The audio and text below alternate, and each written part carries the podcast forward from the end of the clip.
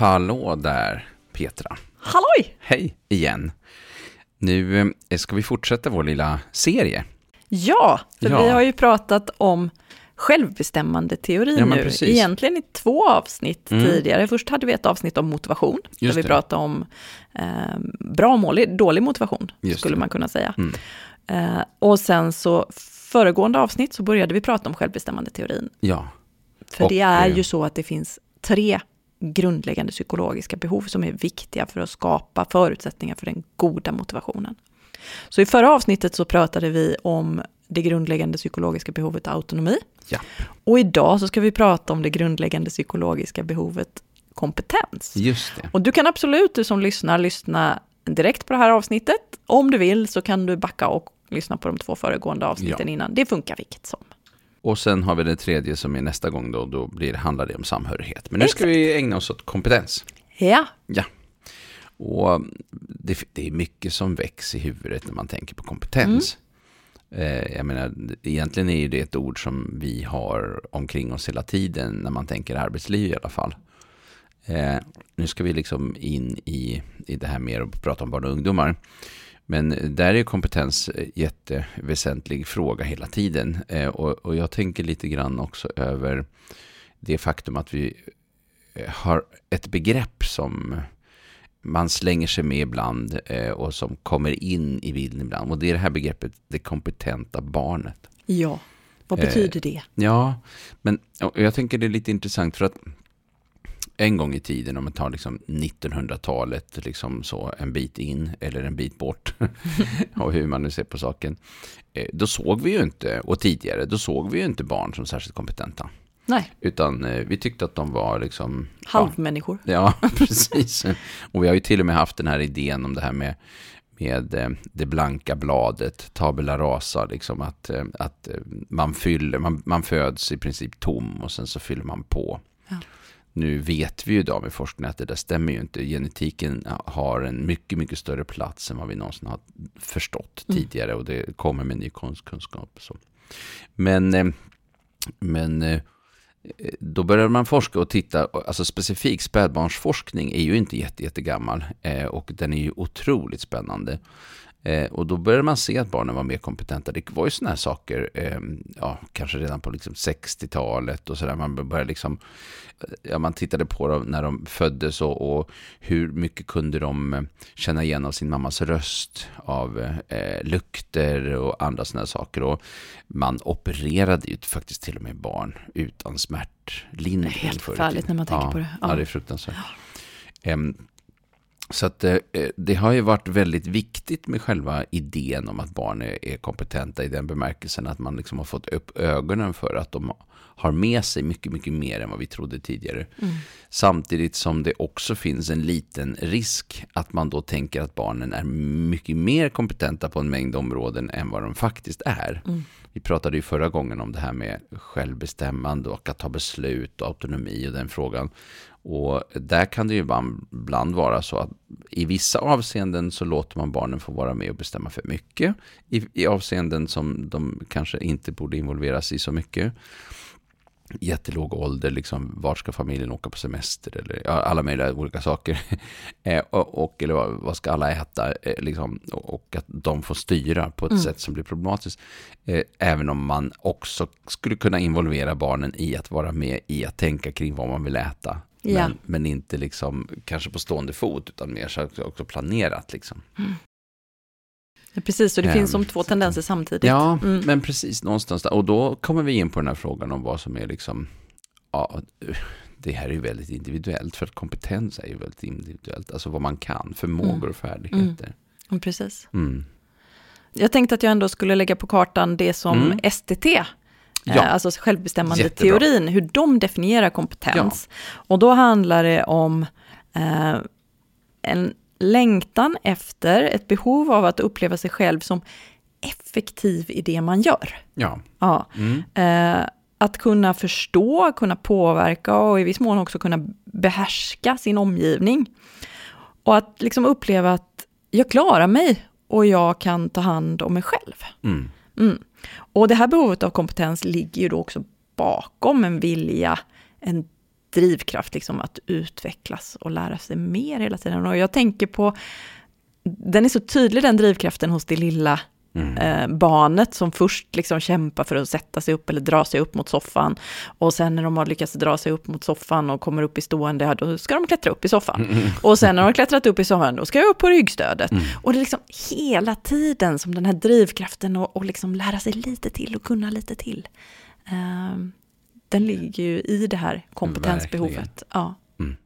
Jo, det, vi har det i massa avseenden. Jag, jag, tänker på barn som är väldigt måna om att lära sig cykla eller liksom att eh, vi kan också se hur, en, vilken stark drivkraft det har när det gäller det här med att lära sig hur, hur en iPad eller en dator funkar. Hur, man över, liksom, hur, hur otroligt också snabbt kompetenta barn blir i det för att de också är så smart eh, konstruerade. Ja. Eh, mm. Det är ju häftigt och när man ser när de sitter och bygger klosstorn och det där jävla tornet det rasar och så börjar de om, och börjar om och börjar om och mm. liksom får ihop pusselbitar och så här. Och det är ju en himla tur, tänker jag, att vi har den drivkraften, för vad, vad skulle det bli av oss nej, annars? Annars liksom? bli, det är verkligen en del av att vara människa. Ja. ja. Eh, och en del som vi föds med. Ja, så är det ju. Mm. Eh, alltså i grund och botten så kan vi säga att eh, det är ju inte föräldrarna som lär barnen att gå. Det är barnen som går. Lär sig men, att vi, gå. men vi går ett steg bakom och ser till att de ja. inte faller ut i, går ut i gatan. Ja. Nej men precis. Det finns ju ganska många grejer som vi faktiskt inte kan lära våra barn, utan vi kan vara liksom, finnas bredvid när de lär sig. Som just att lära sig gå, lära sig cykla, lära sig mm. simma, lära sig liksom hålla en penna och massor av sådana saker. Mm. mm. Precis, och det, det, är intressant att vi har en, ibland en idé om att, det, att vi ska lära våra barn alla möjliga saker och sen Exakt. i verkligheten så, så, finns det en egen rörelse i det där. Men precis, vi kan inte lära våra barn att lösa konflikter heller, det måste de också lära sig själva. Vi kan vara där och liksom ge råd och tips och stöd på vägen, men i slutändan så måste du ha testat för att, mm. för att veta om du kan eller inte. Ja. Mm. Så, och i det här ligger ju då att vi som föräldrar behöver liksom erbjuda våra barn möjligheter att, att få testa och att träna och att få liksom utveckla sin kompetens på egen hand, inte nödvändigtvis ensam, men eh, på egen hand. Liksom. Att det är superviktigt att vi hela tiden är där och erbjuder barnet den typen av möjligheter. Mm. Eh, för när vi inte gör det och när barnets liksom längtan efter den här naturliga kompetensen blir, blir hämmat. Uh, har du tänkt på hur det kan se ut, David? Det... Eh, tänkte du på någon särskild situation? Då, Nej, men jag tänker att man ser, jag tänker på de här barnen som blir undvikande och slutar försöka till mm, exempel. Just det. Uh, nej, jag vill inte försöka, nej. säger de. Jag kan mm. inte, jag kan ändå inte. Och en del barn är som att de vill inte försöka för att om jag inte har försökt så kan jag inte misslyckas. Nej. Eller så har jag inte misslyckats. Nej, men nej. precis. Och um, det har ju också blivit nästan någon slags tävling när vi kommer högre upp i skolan. Att eh, liksom eh, skryta om att man är sämst. Eller att ja. man eh, säger att det kommer gå så dåligt. Eh, jag kommer få F på det här. Och sen ja. så, alltså, att man försöker lägga sig på lägsta mm. nivån. Som någon sorts självhandikappande strategi nästan. Ja, och ja. kanske också eh, hantera besvikelse. Men också liksom att Eh, det är hellre eh, förekomma än förekommas. Ja. Alltså eh, lite att då styra själv i alla mm. fall över kommentaren om mig själv. Om jag hela tiden utgår ifrån att jag är en failar så, så mm. kommer ingen annan att kunna säga det så att jag blir ledsen för jag har ju redan sagt det själv. Precis, mm. exakt. Och en del slutar ju också, inte bara säger det, utan de slutar faktiskt försöka. Mm. Eller gör det svårt för sig själv att lyckas. Ja, men jag började inte plugga förrän igår kväll, så Nej, går det precis. dåligt. Så är det ju inte för att jag är osmart, utan Nej. det är ju för att jag började så sent. Liksom. Mm. Och då kommer ju det ordet jag just nämnde tidigare, med självhandikappande strategi, verkligen in. Uh, jag tycker mig också se att en del som inte liksom är trygga i sin kompetens, uh, hamnar i att bli liksom konkurrens och tävlingsinriktade. Som att jag kanske inte är skitbra på det här, men jag är i alla fall bättre än Johan. Mm, mm. Um, och det kan man märka att en del barn blir väldigt så här väldigt måna om att mm. jämföra mm. sig själva och komma ut mm, bäst mm. i den jämförelsen. Och då kan jag ibland ana att det handlar om att man inte riktigt är trygg i sin egen mm. kompetens. Vad tror du om det? Nej men lite blir det väl det här liksom att man nästan bröstar upp sig och eh, försöker vara mer än man är därför att man egentligen har ganska låg självkänsla mm. kanske och då, eller då, då, dåligt självförtroende relaterat till vissa ja. delar då. Ja, mm. precis. Som att man blåser man liksom upp sig för att dölja. Ja, mm. precis. Jag tänker att prestationsångest och perfektionism också hänger ihop mm. med den här upplevelsen ja. av, av, kompetens. Just det. Um, som att om jag är osäker på min kompetens så kan det vara läskigt att prestera. För att tänk om jag misslyckas, vem är jag då? Liksom? Mm, ja, uh, precis. Ja. Um, och då och blir det... det ju dels de här som liksom slutar att prestera helt. Mm av den där anledningen som vi nämnde tidigare, har jag inte försökt så har jag heller inte misslyckats. Men sen blir det ju också de som liksom ligger på 100 eller 110 procent hela tiden för att alltid vara säker på att göra bra. Och det blir ju på något sätt ja, men maladaptivt. Liksom. Mm. Mm. Jag tänker på det att eh, eh en del, eh, de kan excellera på något visst område men de har svårt för något annat. Mm. Eh, och det kan ju vara vad som helst, men eh, liksom, det kan ju vara att man är jätteduktig på, om vi tar skolan så kan man vara jätteduktig på typ träslöjd eller idrott eller någonting, men man är jättekass på att läsa eller räkna matematik. Ja. Eh, och, och då börjar man prata ner det där området som man är dålig på. Det är skit och det, det behöver väl ingen och jag tänker inte räkna och jag ska göra ditt. Alltså, och det där kan ju följa med i skolan också. Eh, uppåt i åldrarna. Det här att man att man liksom eh, pratar ner det som man egentligen är kass på. Mm. Eh, för att annars så måste man fejsa att man är kass på det.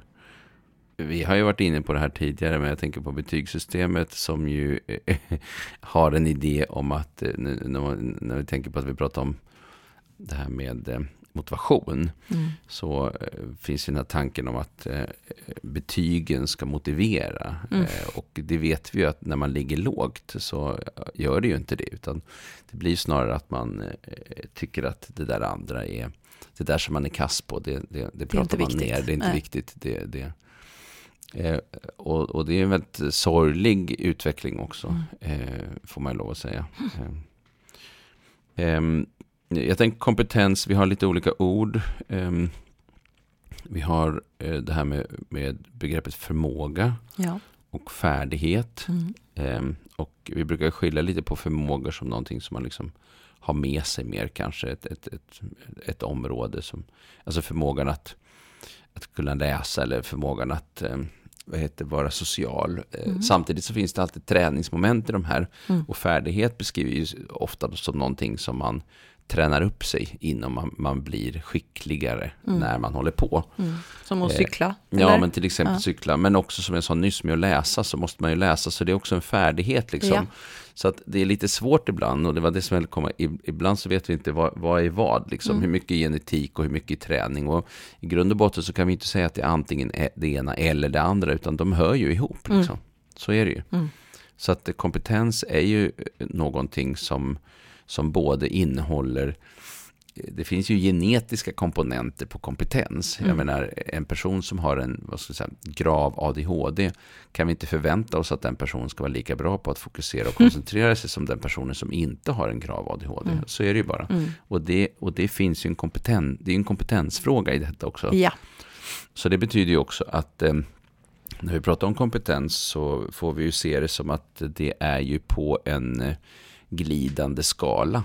Eh, där vi rör oss ifrån, eh, det är ju inte antingen eller, utan det är ju just en glidande skala. Om man nu mm. tar det här exemplet mm. som vi tar med fokus och koncentration, så har vi de som har eh, jättelätt för det, så har vi de som har medel och sen till de som har medelsvårt, till mm. de som har super, super svårt och så vidare. Alltså, det är en glidande skala. Och det gäller ju egentligen alla områden. Eh, ju. Mm. Så att det är ju en, en Eh, det där finns med. Och jag tycker att det är lite intressant att fundera på, om man tänker att i varje enskild stund, eh, alltså varje enskild situation, så ska vi aktivera ett gäng olika eh, förmågor eller färdigheter. Ja, men vi kan ju bara ta en sån enkel sak, enkel, mm -hmm. som samlingen i förskolan. Vad krävs där liksom? Uh, ja, det krävs jättemycket. Man ska ja. kunna sitta stilla och lyssna på andra och vänta på sin tur och, och intresseras, entusiasmeras och prata och ja, bara kunna sitta ja. turtagning. Allt med. Alltså det är en, förstå talat språk. Alltså, så att vi har ju massa kompetensvariabler. Mm. Eh, i en ganska stor vid bredd där, liksom, mm, mm. i en sån sak som till exempel den lilla stunden där då. Och så ser det ut i alla situationer egentligen där det finns förväntningar på oss vad vi ska göra och så. Att vi aktiverar liksom en hel palett av olika typer av förmågor och färdigheter, om man ska säga. Och då kan vi om, vi, om vi tänker oss att var och en av de här är som en liten stapel eller någonting. Mm. Och så tänker vi att det, de är gröna längst ner. Det är liksom, det är det vi kan. Uh, vi kan koncentrera oss här länge eller vi kan sitta stilla eller vi kan klara av att förstå och tala språk ditt och datter eller förstå poängen med och så vidare. Och sen så finns det ett litet område som jag brukar göra gult som är det här kan med lite hjälp. Uh, och sen så finns det ett område upp till som är rött, mm. kan inte. Mm. Jag brukar rita upp den här modellen ibland just på det här sättet och då är ju de här äh, gula fältet mellan det gröna och röda, de är på lite olika höjd för man är lite olika bra på olika saker. Och eh, när vi ska lära oss nya saker så ska vi göra mycket grönt och så lite gult. Mm. Det vill säga lite nytt. Mm. Det, är, det är då det blir lärande. Men så fort vi hamnar i röda, det vill säga när det är för svårt. Jag brukar fråga, eh, pedagogisk personal har frågat, men också föräldrar ibland. Eh, vad ser vi då hända? Mm. Eh, när det blir för svårt? Alltså, ja, vilka beteenden eller handlingar ser vi att barnen eller eleverna då gör? Eh, och då får jag en lång lista på massa negativa saker. Mm. Och sen så, eh, som ju då är, då är en direkt koppling mellan kompetens, kan vi säga, det, eller att, att det är svårt då, eh, mm. och ett beteende. Mm. Um, och sen så brukar jag fråga om jag kan få några saker som vi ser som mer positiva. Och då brukar jag få en liten fjuttig lista. Jag skulle säga det, typ. den listan är lite kortare va? ja. ja. Vad finns på den listan då? Ja, men då kan jag säga så här. Ber om hjälp, säger att det är svårt, tittar på andra och försöker lite till eller mm. gör igen eller, eh, eller, eller så. Mm. Så den brukar bli ganska liten. Mm. Eh, och den andra listan kan bli hur lång som helst. Ja.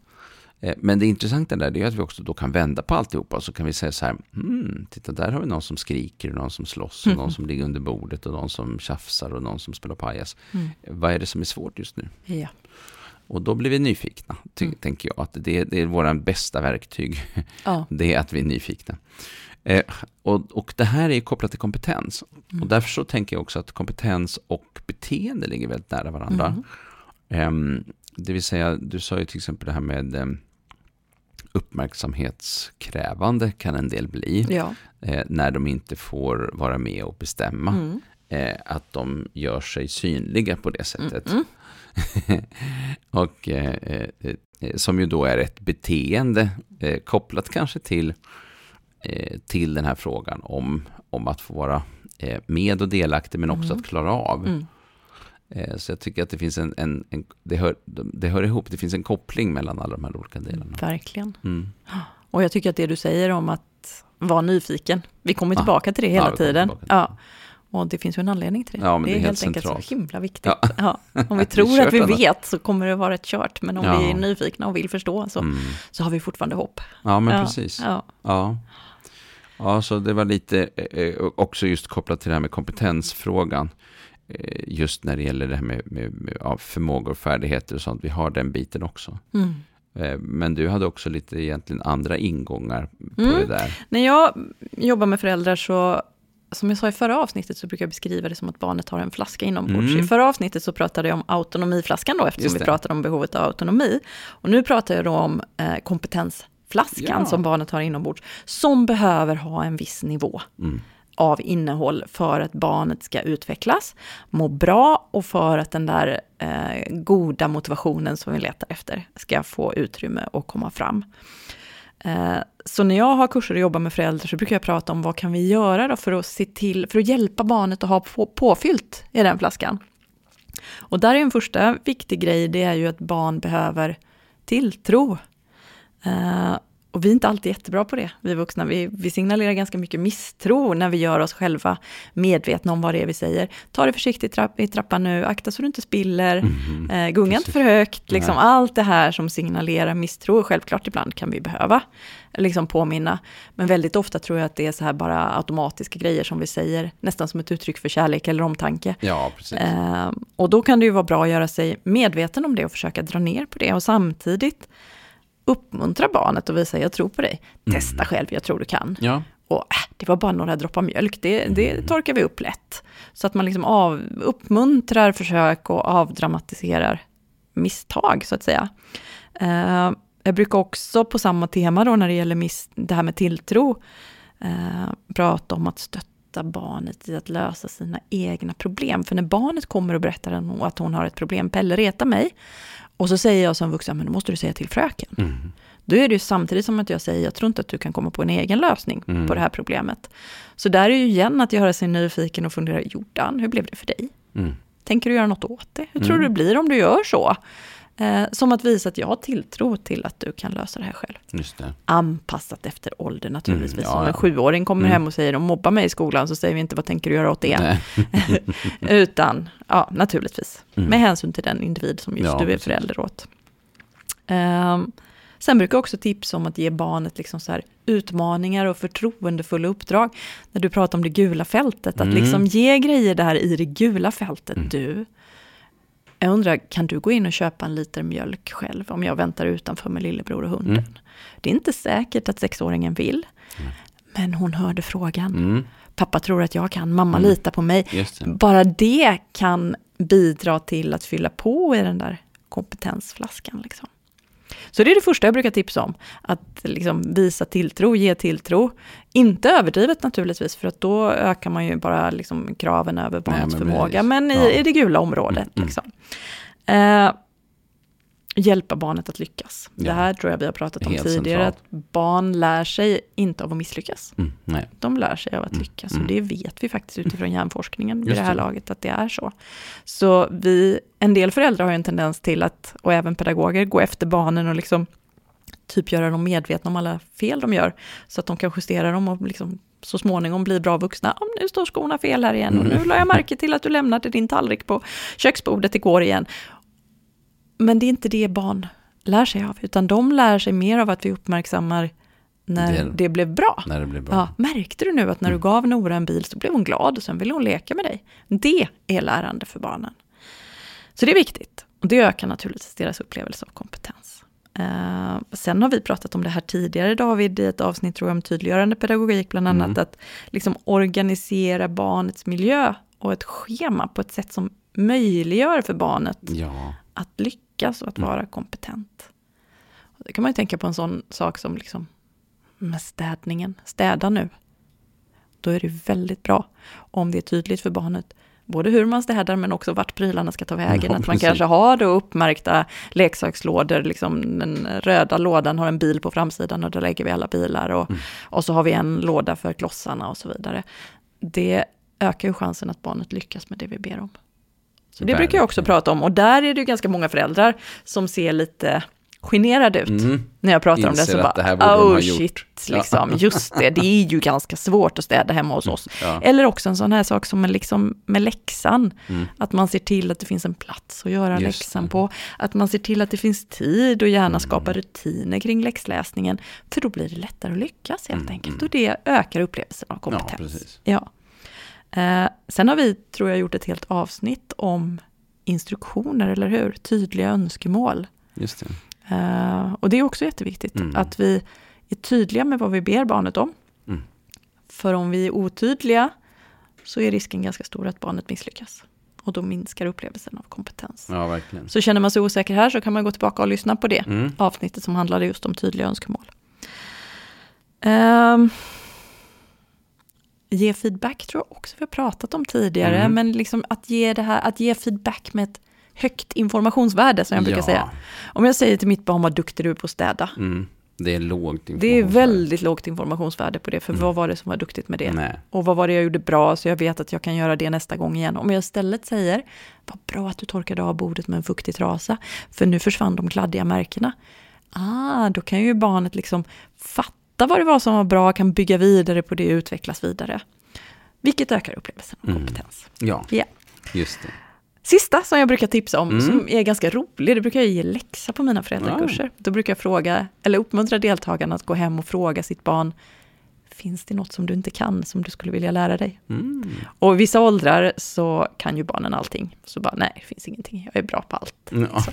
Men i andra åldrar så är det ju så att barnen bara, ja, jag skulle vilja lära mig. Och så kommer de på saker. Och då brukar jag också berätta om när min son var, han var fyra år och jag gick en föräldrakurs själv. Mm. Och då fick jag just det här i läxa. Wow. Att jag skulle gå hem och fråga honom om, om det fanns något han ville lära sig. Jag hade kanske önskat att han skulle svara så här, ja, smöra mackan själv Mm. eller klä på mig själv eller något. Det svarar han inte. Utan han är en sån liten tänkartyp och var redan då. Jag ser verkligen framför mig, han stod, han stod i trappan också, så vi hamnade i ögonhöjd när jag ställde den här frågan. Och så sa han, jag är mycket glad att du frågar mamma. Jag har länge tänkt att jag vill lära mig lite mer om sjögräs och alger. lite oväntat som sagt, men det blev ju då en tur till biblioteket för att han skulle få möjlighet att lära sig mer om sjögräs och alger. Men jag Jättebra. tror också att det här lär, eh, liksom bidrar till barnets upplevelse av kompetens. Att jag Mm. tar det du vill på allvar. Just Liksom. det. Ja. Just det. Ehm, gäller att man eh, lyckas eh, Genomföra. Ja. Ja, ja, och det kan vara svårt om bara säga, ja, jag vill lära mig åka till rymden. Ja. Eh, Okej, men då Nej. börjar vi med att låna en bok om Ja. rymden. Liksom, och så får man bryta ner det i genomförbara steg. Precis. Mm. För det är ju inte så schysst att kanske säga, fast det kommer ju aldrig gå. Mm, nej, Nej, Nej. precis. Nej. Och det är inte heller kanske helt sant. För att Nej, man vet ju inte. Fuglesang har ju ändå varit där. ja, liksom. precis. Ja, Det är, de är inte många, men nej, så är det. Vad tror du om att runda av, David? Men vi gör det det, för den här gången. Och Ja. det här är ju liksom en, en, den här serien kopplat till just eh, självbestämmandeteorin. Och, och vi pratade lite mer om den i förra avsnittet i början utav den. Så om du vill eh, Få lite kontext. få lite mera, precis, så kan du Ja. lyssna på det. Och så Och, ses vi igen om två veckor och då pratar vi om vi. samhörighet. Ja, men vi gör det. ha det gott. Ha det bra. Hej. hej då, hej.